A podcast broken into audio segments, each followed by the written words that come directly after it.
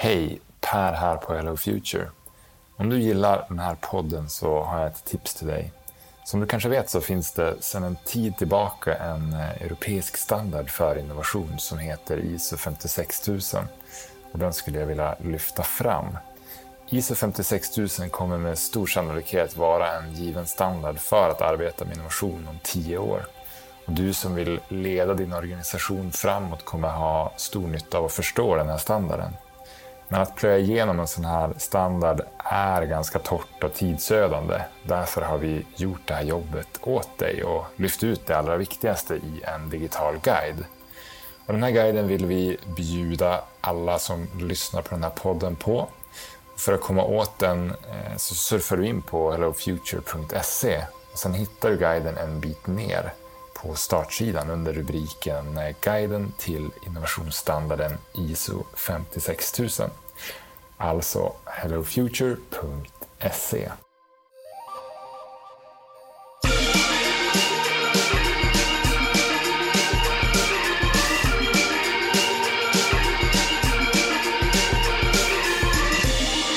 Varmt välkomna till ett nytt avsnitt av Transformationspodden med mig Johan Lager på Hello Future.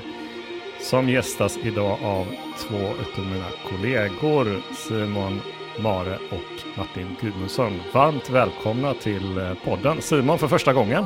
Absolut, tack så mycket. Mm. Ja, för de som inte eh, då har träffat dig här i Transformationspodden naturligtvis då. Berätta lite grann, vad, vad, är det, vad gör du på Hello Future? Yes, jag är ganska ny på Hello Future. Jag har varit här i snart eh, fyra månader bara. Men jag har ju då kommit in som eh, ja, designer huvudsakligen. Håller på med liksom UX-design och ja, grafisk design och sådär. Men även som projektledare eh, för eh, många av våra projekt då framförallt mjukvaruprojekten då. Så, eh, leder dem internt och även mot kunden då. Eh, Martin, du är ju inte, du är ju en, ett gammalt, eh, en gammal röst ska man säga då i, i det här sammanhanget. Men eh, för de som inte har lyssnat på något avsnitt med dig så får du berätta lite grann vad du, vad du gör på dagarna. Mm. Yes. Eh, jag, är, jag har många hattar men jag är väl tech lead och eh, utvecklare framförallt på Hello Future.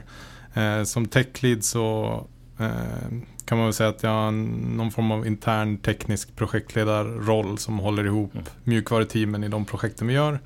Eh, men jag utvecklar även själv, hoppar in lite där det behövs. Ja, det finns ju en anledning till att eh, vi har bjudit in er två till det här avsnittet. Jag har tidigare spelat in ett par avsnitt nämligen som handlar om idéer och vad man ska tänka på när man har en idé, en organisation som man vill börja utveckla och testa till att bli en en eh, lösning. Och eh, för er som är vanligtvis lyssnar på Transformationspodden så har ni säkert eh, hört ett par av de avsnitten. Men jag kan referera till avsnitt 44 som heter Bli kär ditt problem, inte din lösning med Maria Ben Salem Dynehäll. Ett jättebra avsnitt för att få grunden på hur man ska tänka med att sätta egentligen kunden i fokus när man prövar sin idé och lite kring att jobba agilt. Eh, sen har jag och eh, Petter Hanberger spelat in två avsnitt, eh, avsnitt 46 och 47, där vi pratar om hur man hanterar och prioriterar idéer i ett innovationsarbete och även då hur man börjar gå ut och testa sin idé skarpt med marknaden. En avsnitt som heter Tänk stort men börja litet. Och det lägger en väldigt bra grund för vad, vad egentligen ens idé, ens koncept ska traggla sig igenom det hårda arbetet innan man sätter sig och beslutar om det ska bli en digital tjänst eller inte.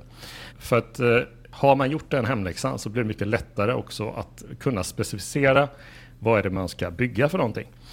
Eh, men vi vet säkert alla det att eh, de här perspektiven som egentligen både då eller som Simon och Martin representerar här idag kan vara, vara lite svårt att få, få ihop. Simon som designer jobbar ju, du jobbar ju mycket med eh, det här med att ta fram designa koncept, testa på användaren, eh, ta reda på de faktiska behoven. Eh, där man har verktyg som eh, tjänstedesign, design thinking, eh, kundresor och så vidare. Eh, och sen ska det då slussas in till någon typ av teknisk eh, specifikation och landa kanske på Martins bord. Och jag vet att du och jag pratade lite tidigare om att en del brukar ha en metafor på att det faller ner en handgranat ner på utvecklarnas bord av olika specifikationer om hur den här idén eh, är tänkt att eh, utvecklas. Och att, eh, ja, var, var, varför tror ni att det, det, kan vara svårt att kommunicera från de här olika perspektiven i projekt? Eh, jag menar, vi har ju sett så många appar och tekniska lösningar som i sig är goda idéer och fyller ett väldigt bra behov. Mm. Men ingen vill använda dem. Eh, de blir inte speciellt bra. Eh, ska vi börja där lite grann så får, mm. ni se, får vi höra vad ni vi tänker kring de här, eh, ja, men... de här två perspektiven som ska gifta sig ungefär i den här processen. Uh, när, när du nämner, eller när du lägger upp det så, så känner jag spontant att det är ofta uh, ett resultat av att man har jobbat kanske för länge på en sida. Alltså att typ design har setat och kommunicerat kanske med kund och jobbat fram eh, mer och mer en, en, en, stor tydlig idé på vad det är som mm. eh, ska göras utan att egentligen ha kanske fått en reality check då av eh, någon från liksom, tekniksidan. Eller man ska mm. säga. Ehm, och där är ju egentligen lösningen ganska enkel. Att, att man, mm. man ser till att, att man har med eh, egentligen alla perspektiv från ett ganska tidigt stadium och, och hela tiden ha en ganska bra liksom, dialog och kommunikation mellan alla parter. Alltså både beställare, design och utveckling. Liksom. Känns som en, en ganska, som du säger, en ganska enkel grundläggande lösning. Eh, men varför missar folk att göra det här? Vad tror du Simon?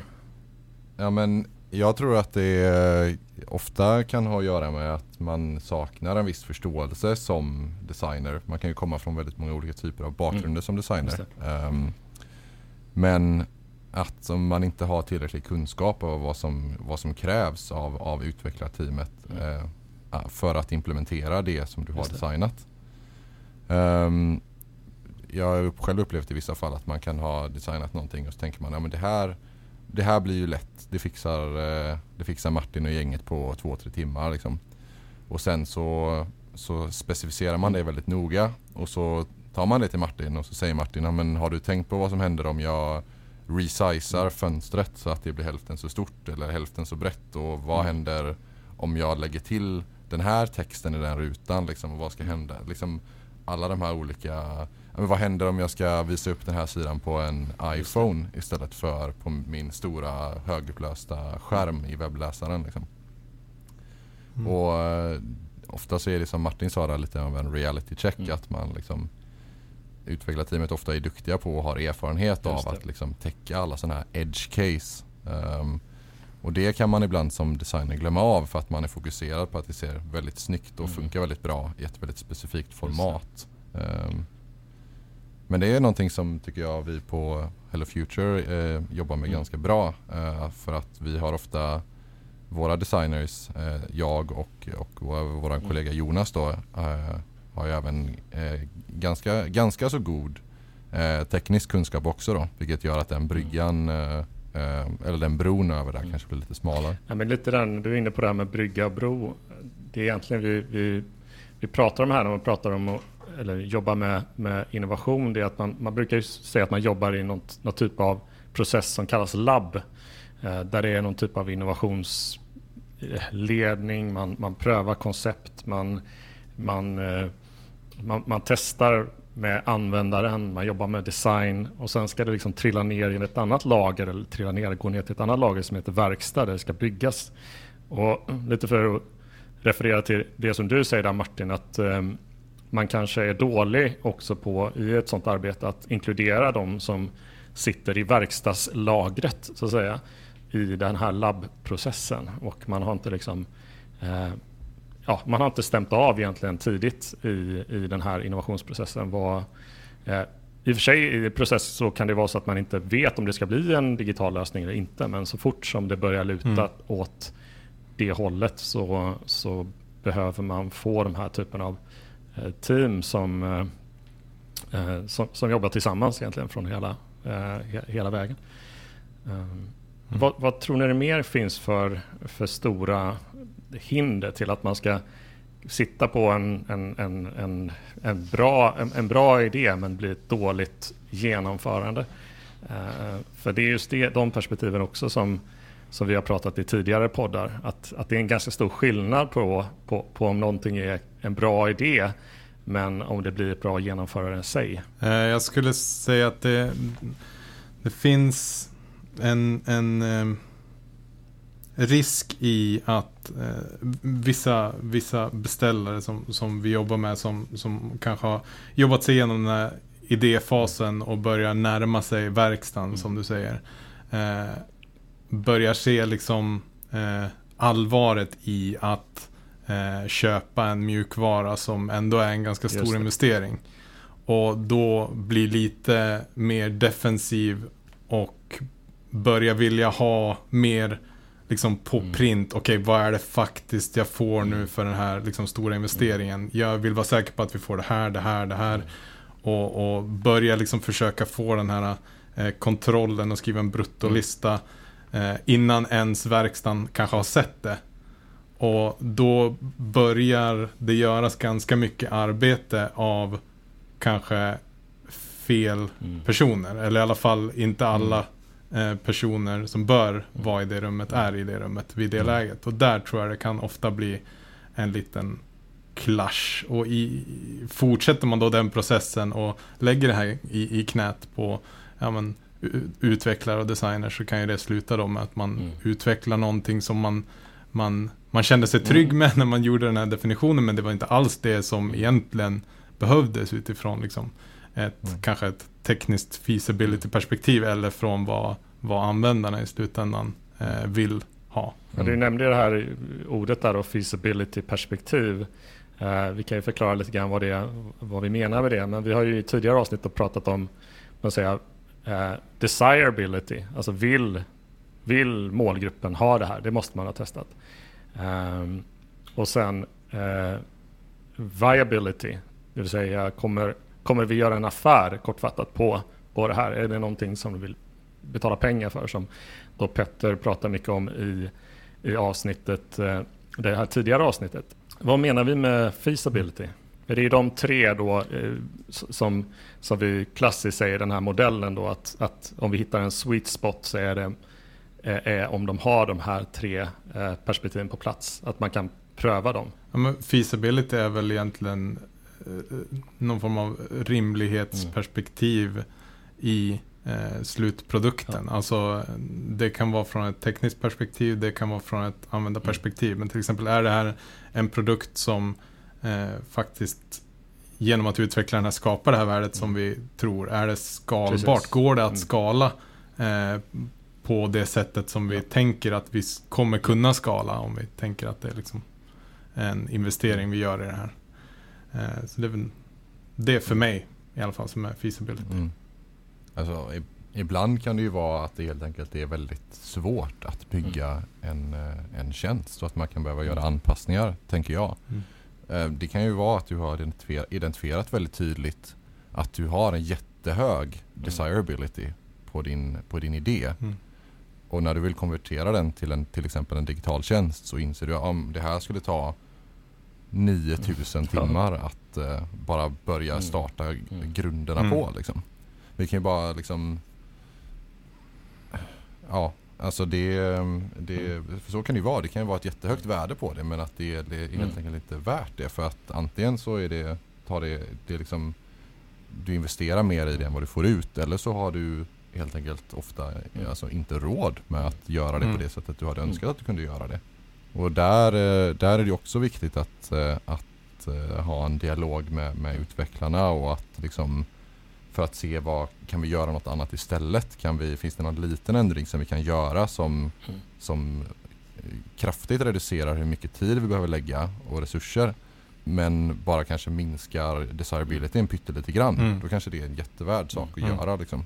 Jag tänker också, vi brukar prata om det här med agilt arbetssätt och eh, jag tänker det att innan, innan man kommer till, till dig Martin, så egentligen vad du säger är att man ska redan, redan innan dess börja ha jobbat agilt så att säga ehm, i, i liksom framtagandet av, eh, och, av, av tjänster som man förstår också. Men Jag tänker just det här med agilt arbetssätt. Hur, ehm, hur, hur tar det sitt uttryck i en utvecklingsprocess på Hello Future? Eh, det, man kan säga första delen där jag brukar komma in eh, är ju när man har kommit fram ganska långt ändå i, i desirability och, och viability.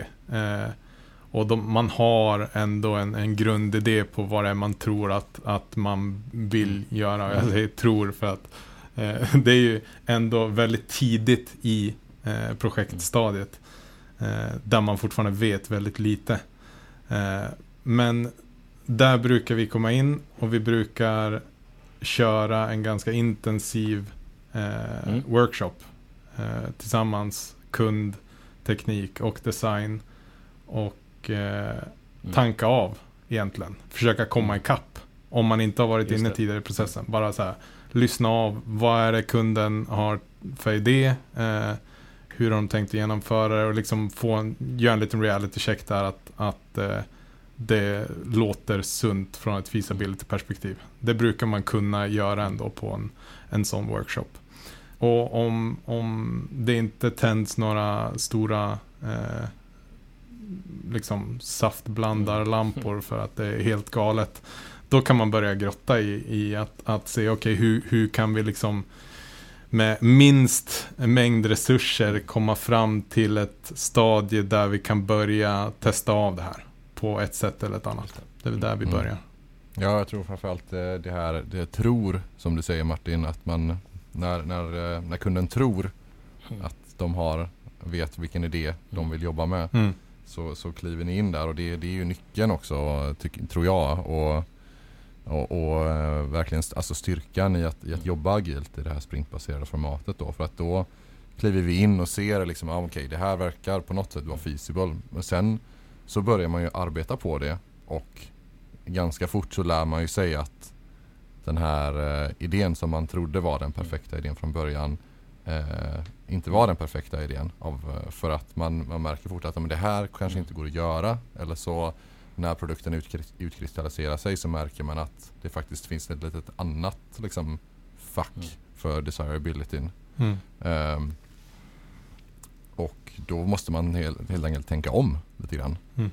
Uh, och det, det, känns väl nästan så. Jag tror inte jag har varit med i något projekt där liksom grundidén innan projektet drogs igång har varit Nej. densamma uh, i slutet av projektet. Mm. Men för de som är lite nya för det här med agilt uh, arbetssätt.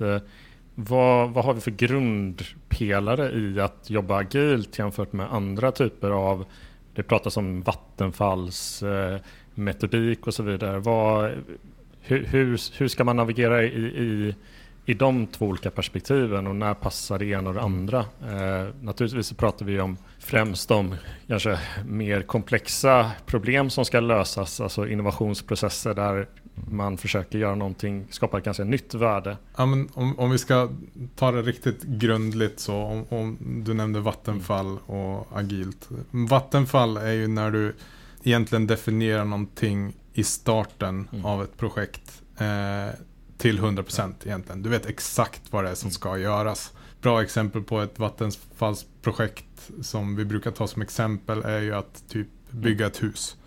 Då behöver du veta hur huset exakt ska se ut för att liksom eh, upprätthålla mm. alla regler och lagar som följer med. Och, och en, ens för att kunna börja sätta grunden så måste du ju veta hur huset i slutändan kommer se ut. Så att där är ett bra exempel på när Vattenfall är liksom ett, ett, ett bra typ av mm. projektmetodik. Och där har du ju liksom då ja, du, du har tid, du har resurser och du har en uppgift. Uppgiften är väldigt fast i mm. husbyggaren. Eh, där, och sen så har du då resurser och tid som du lägger på det här mm. tills du har ett hus. Eh, I mjukvara så har vi samma typer av eh, delar. Man säga. Vi har en uppgift, vi ska göra någon form av teknisk lösning. Vi har resurser i form av utvecklare eh, och designers och vi har tid. Eh, men där istället då en, i en agil arbetsmetodik så bestämmer man istället att liksom vart man vill landa är hur mycket resurser och mycket tid man lägger.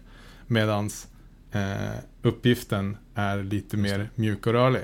Så man, man kan sätta liksom en, en riktning och en, en mål och Mm. ha den mer eller mindre tydlig. Men det blir ändå, eh, man är ändå beredd att förändra uppgiften under Mm. resans gång. För att anpassa den till eh, Mm. målbilden allt eftersom man lär sig.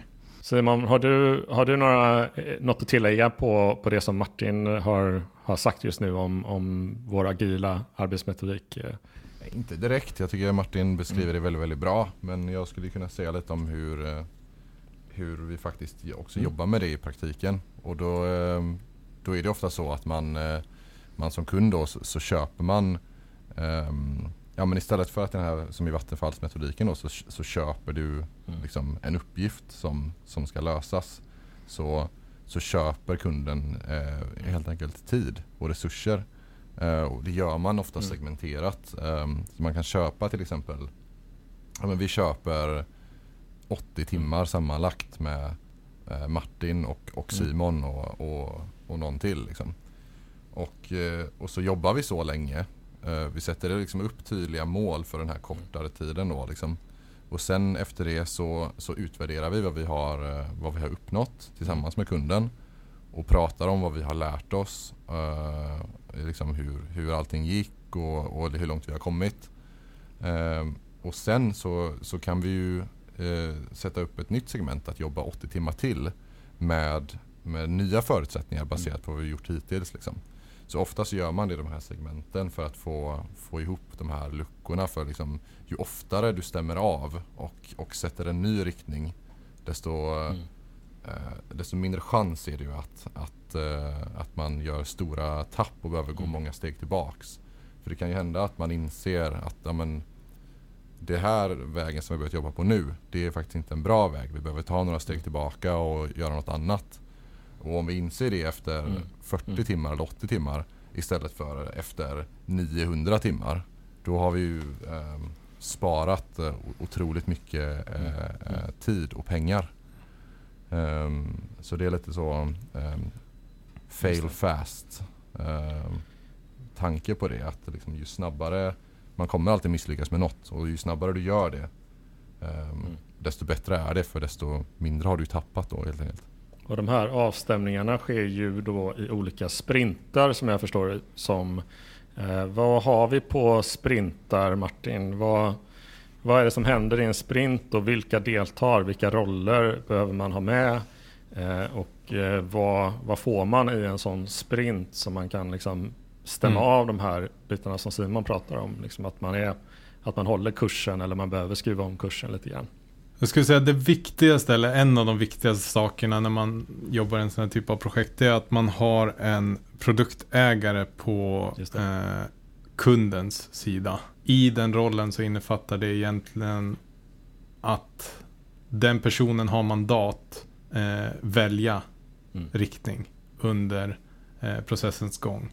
Så att det inte blir risk för att det, blir, att, att det fastnar i liksom kommunikation, att det måste bli avstämningar mellan olika avdelningar och så vidare på, på ett, ett, ett företag eller en organisation.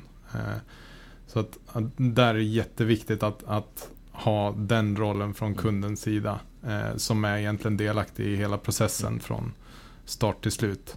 Eh, med det sagt så är det klart att den personen får ha interna avstämningar och så vidare. Men, men just för att, för att kunna genomföra ett sådant här projekt är det jätteviktigt att det finns någon som, som har eh, lite Mm. mån Mm. om att styra.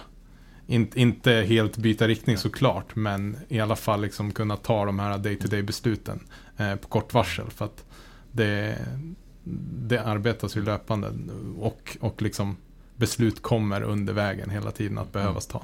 Så det skulle jag säga är den viktigaste rollen från eh, kundens sida. Sen så har vi ju eh, teamet då som vi egentligen sätter upp i, i början av projektet när vi vet eh, vad det är ungefär som ska byggas. Alltså vet vi att det är en mobilapp som ska göras eller vet vi att det är en, Mm. en webb.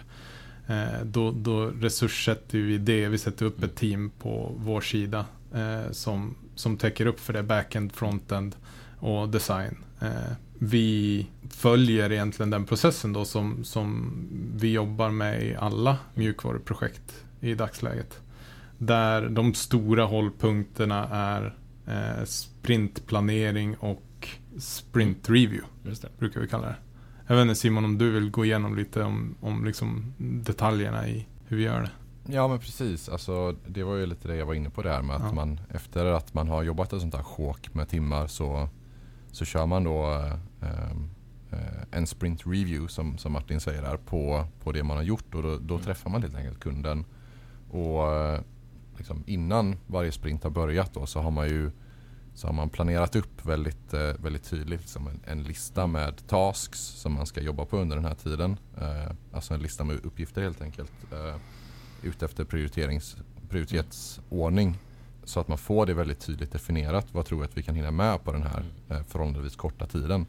Och sen så jobbar man helt enkelt på det eh, så gott det går. Och, och när man kommer till en sån här sprint review då, så går man ofta igenom de här korten. Eh, eller de här eh, uppgifterna steg för steg. Och liksom, ja, hur gick det med den här? Hur gick det med den här? Vad lärde vi oss av den? Och liksom, vad innebär det här för framtiden? Man har ett väldigt liksom, strukturerat jobb och en väldigt tydlig uppföljning när man kommer in i en sprint review.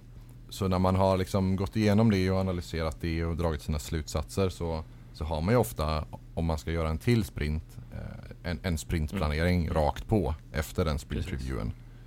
Eh, Så säg att vi precis har reviewat sprint 3. Ja, men då kör vi sprintplanering för sprint 4 direkt. Och då har vi precis lärt oss massa grejer och då sätter vi helt enkelt upp en ny lista eh, i prioritetsordning med uppgifter om vad vi tror vi ska hinna med Mm. på nästa sjok av timmar.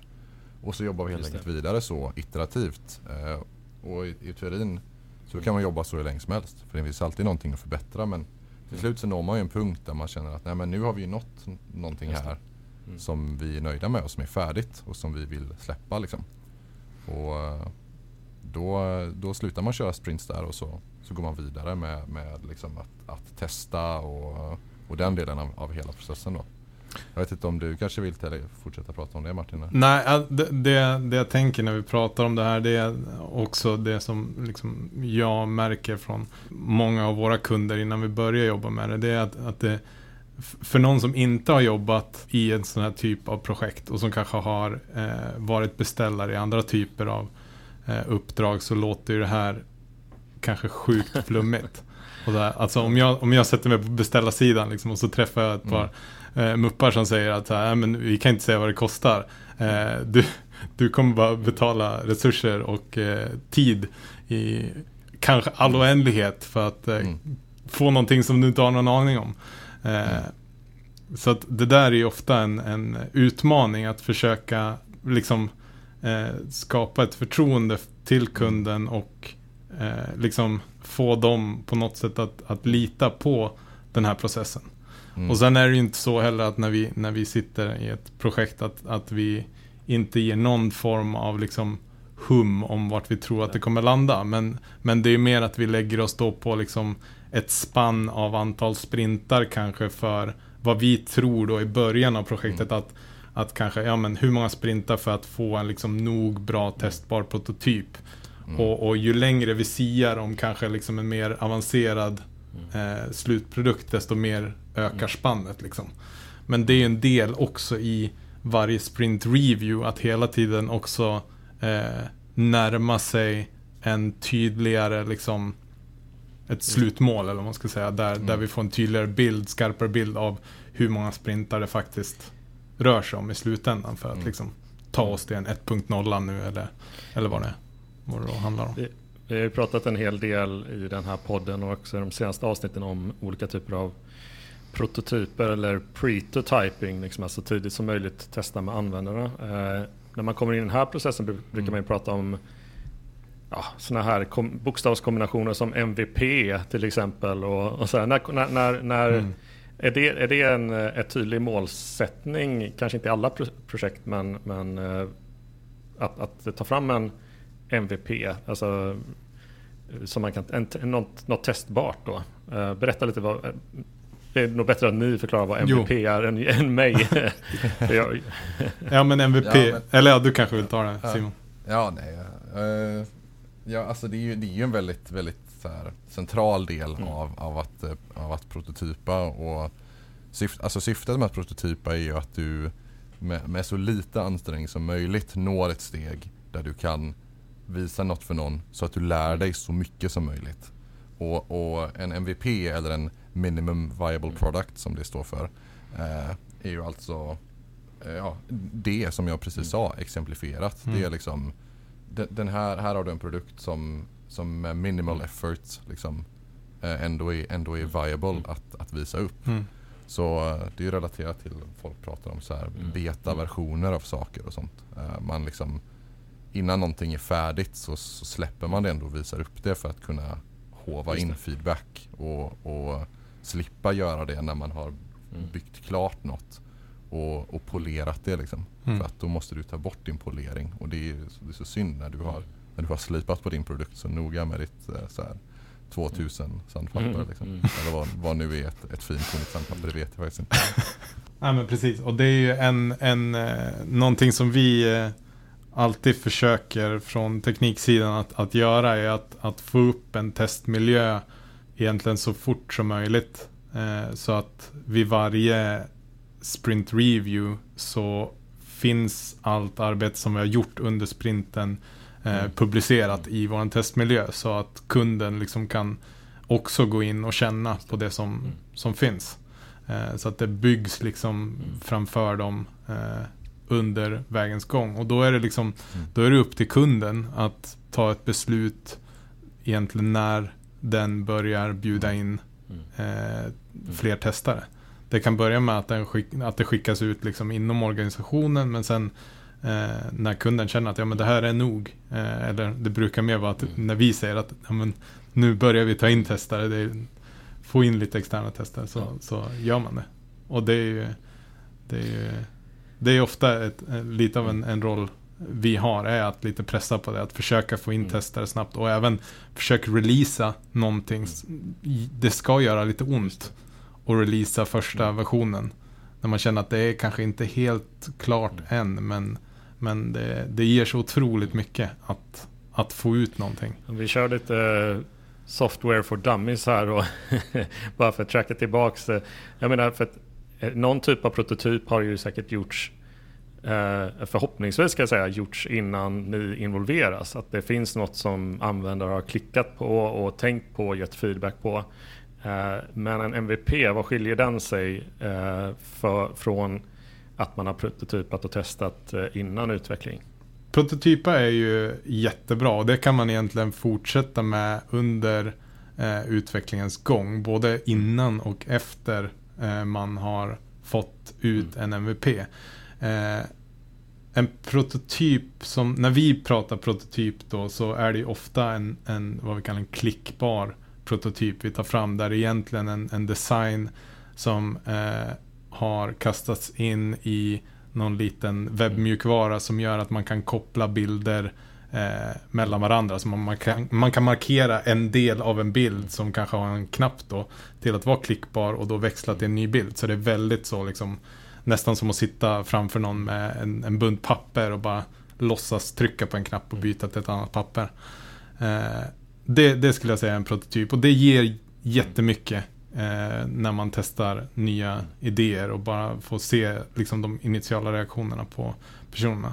En MVP, då är det ändå alltså någonting som är utvecklat och funktionellt. Men på den minsta möjliga nivån. Alltså där det, där det är så pass litet som möjligt men ändå har börjat skapa någon form av värde. Skulle jag säga. Jag har hört någon metafor, nu har inte jag dratt den här med er innan så vi får se om ni gillar det. Men jag hörde någon metafor om Mm. att eh, om man ska bygga en, man ska baka en tårta, eh, en stor bröllopstårta så kanske man gör en, allt, alla ingredienser och allting som finns i den här tårtan till en liten cupcake. Och så får eh, brudparet smaka på den ungefär. Och se om de tycker att det, är en, Mm. det kommer bli en bra innan man går in och gör den här monstertårtan som kanske någon släkting hoppar ut ur också. Eller vad det nu är för Ja men det är väl, det är väl en bra förklaring på en, Okej, vad en men då är MVP jag-. Och Mm, en ja. prototyp kanske skulle då vara en, en, eh, en handritad bild på hur tårtan Ja, kommer se ut och en, en spesad lista på vilka ingredienser som, som vi Ja. har tänkt att ha i den. Fine. Vad har vi mer på, på vad som händer i en sprint som är, som är... Vi ska inte gå in i detalj vad de olika personerna i teamet gör, men ni kan väl eh, prata lite grann om och fortsätta lite grann kring det här med roller där Martin och, eh, och även Simon.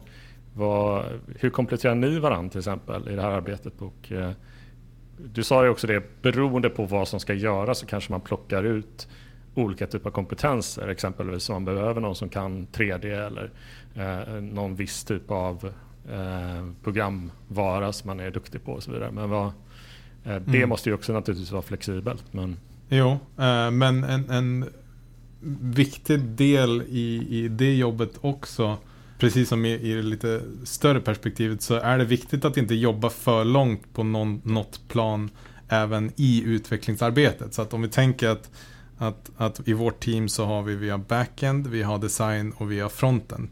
Så vill man inte heller lägga ja, men då, hela sprinten på att Simon ska designa upp Mm. hela lösningen. Eller man vill inte lägga hela sprinten på att sätta backen på att bygga hela API eller hela databasen. Utan man vill liksom se till att man gör små eh, vertikala liksom, avskär i, i backend, i frontend, i design under varje del i processen. Så att man hela tiden liksom tar sig framåt. Och det är en del i det här att komma fram till en MVP också. För att annars så är risken att man lätt jobbar för långt på någon det blir, det blir för mycket Ja, grädde det- och inte så mycket botten kanske, till exempel. Ja men precis. Ja men precis, vi kan ju gå tillbaka till metaforen där igen liksom. Om, Mm. om, eh, om backen är så här sockerkakan och designen är grädden liksom. Mm. Då är, om, du bara, om du får en cupcake som bara är en hög med grädde liksom. Det kanske var jäkligt god grädde. Men det var inte Och den är definitivt inte... eh, Den representerar inte slut vad, vad slutprodukten är ämnad till att vara. Eller som den här stora bröllopstårtan. Helt enkelt. Precis, att, ja. eh, men för att eh, knyta ihop säcken lite grann på det här avsnittet. eh, Om man nu är redo att gå in i, i en utvecklingsprocess och man, Mm. man känner sig fortfarande lite så här. Man har inte riktigt koll på vad är det för olika alternativ man har. Vad, Mm. vad kommer jag få från ett agilt projekt eh, jämfört med andra typer av alternativ? Eh, vad, kan vi, vad kan vi ge lyssnaren mer för tips och insikter kring, kring eh, den här processen? Ofta när man har liksom gjort det här förarbetet så är, och man kanske har till och med prototypat, så har ju liksom eh, det man har när man börjar gå in i sprintprocessen är ju i stort och mycket det, detsamma. Liksom. Det är en lösning som förenklar någonting eh, för någon. Alltså de, de tre grejerna är liksom ganska ändå tydligt fastlåsta från start till slut. Sen kan det vara liksom, det, det är ju på olika nivåer. Det kan ju vara från att eh, hur man lägger upp stegen i processen, att de byts eller att man lägger till något litet flöde som förenklar jättemycket. Det är sådana typer av grejer som, som liksom eh, hittas under vägen i ett sprintprojekt. Eh, så, och, och det är så svårt i Mm. past tense att titta på projekt man har jobbat på och kanske så här naila att ah, i det där projektet vid det där tillfället där fick vi en riktig sån Mm. wow, Jo. nu bytte vi helt riktning. För att det, det känns inte så när man är i Mm. projektet. För man har aldrig en, man har aldrig en tydlig nog liksom, uppfattning om slutmålet för att få den wow-känslan. Eh, och skulle man få den wow-känslan så har man antagligen jobbat för långt på något vis. Ja, Åt fel håll. Ja. Och det, och det handlar ju inte på något sätt mm, bara om att, att göra ett, ett smidigt projekt. Utan det handlar ju om att det ska landa bra hos slutkonsumenterna Såklart. också. Och det är ju, jag menar om man, om man då har gjort den här processen och man får ut en produkt som fungerar och som tas emot väl. Eh, Mm. då ska man ju inte ha behövt ha någon wow heller. Liksom. Då är ju, ja, wowet kommer ju när kunderna får använda det och känner att det är precis det här jag vill ha tydligen. Ja. Alltså, jag kan ju, jag kan ju förstå ett, ur ett beställarperspektiv att man, att man kan tveka för att gå in i ett projekt där, där, eh, där det projektteamet säger att ja, men vi får se hur lång tid det tar och så, och så debiterar vi per timmar. Liksom. Det är ju lite läskigt. Är så här, att man, ja men vi, vi kör lite så. Sen är det säkert någonting som är helt fel med er idé och så, ja men då ändrar vi om och så kör vi något annat. Så här. Jag, kan, jag, kan, jag kan se varför, varför man kan bli lite skrämd av det. Men, men eh, då, då kan det vara värt att veta om att, eh, att även, även fast det kan kännas tryggt att, eh, att skriva under ett avtal med ett utvecklarteam som ger dig ett fast pris på att ja, men du kommer med din specifikation och så säger teamet ja men det här gör vi för, för en miljon kronor. Då är det lätt att tänka att ja, men då kommer de liksom verkligen, då får jag verkligen värde för pengarna. Men även det utvecklarteamet vet ju precis det som, som jag och Martin och, och resten av, av, av teamet på Hello Future vet. Att det, saker och ting kommer gå fel och saker och ting som man inte kan förutspå kommer att hända. Och därför så, även om man ger ett fast pris så tar man ofta eh, ut en, eh, liksom en väldigt stor höjd och väldigt mycket luft där. Så att eh, till exempel om, om, om, om man skulle ge ett fast pris på en miljon så, så kanske man eh, internt har räknat mm. med att det egentligen skulle vara 300-400 000 och allt annat mm. är luft. Liksom, för att man måste ju själv ge sig tryggheten att saker och ting kan gå snett. Och om man, om man går in i eh, eh, ett samarbete med ett team som jobbar agilt då, mm. då finns ju inte den, den luften utan man får exakt det som man betalar för. Och på kuppen så får man identifiera problem tidigt. Man får omarbeta sin idé så att den blir bättre och ger ett stö större värde. Mm. Eh, och man får liksom en, en trygghet, trygghet att liksom hela tiden få se den här eh, den, den produkten du har beställt utvecklas framför dina ögon och komma med synpunkter och inse saker under, under loppet helt enkelt. Eh, så eh, var inte rädda för att, eh, för att jobba agilt och, och jobba med, eh, med team som jobbar agilt. Mm. För att eh, det blir i princip alltid ett, ett, ett mycket mm. bättre och mer välarbetat resultat. Ja, Martin, har du något, något sista ord att, att lägga in i den här säcken som vi håller på att knyta ihop nu? Vi som har för, för mer, mer metaforer idag. Metaforerna är, är mättade eh, från min sida. Jag tycker Simon eh, avrundade det bra där. Men jag har ju i alla fall fått eh, jättemycket ut av det här samtalet. Jag har lärt mig väldigt mycket mer eh, än vad jag, eh, liksom, jag, jag, vet mycket mer om agila softwareprocesser och projekt nu än, än innan vi började prata.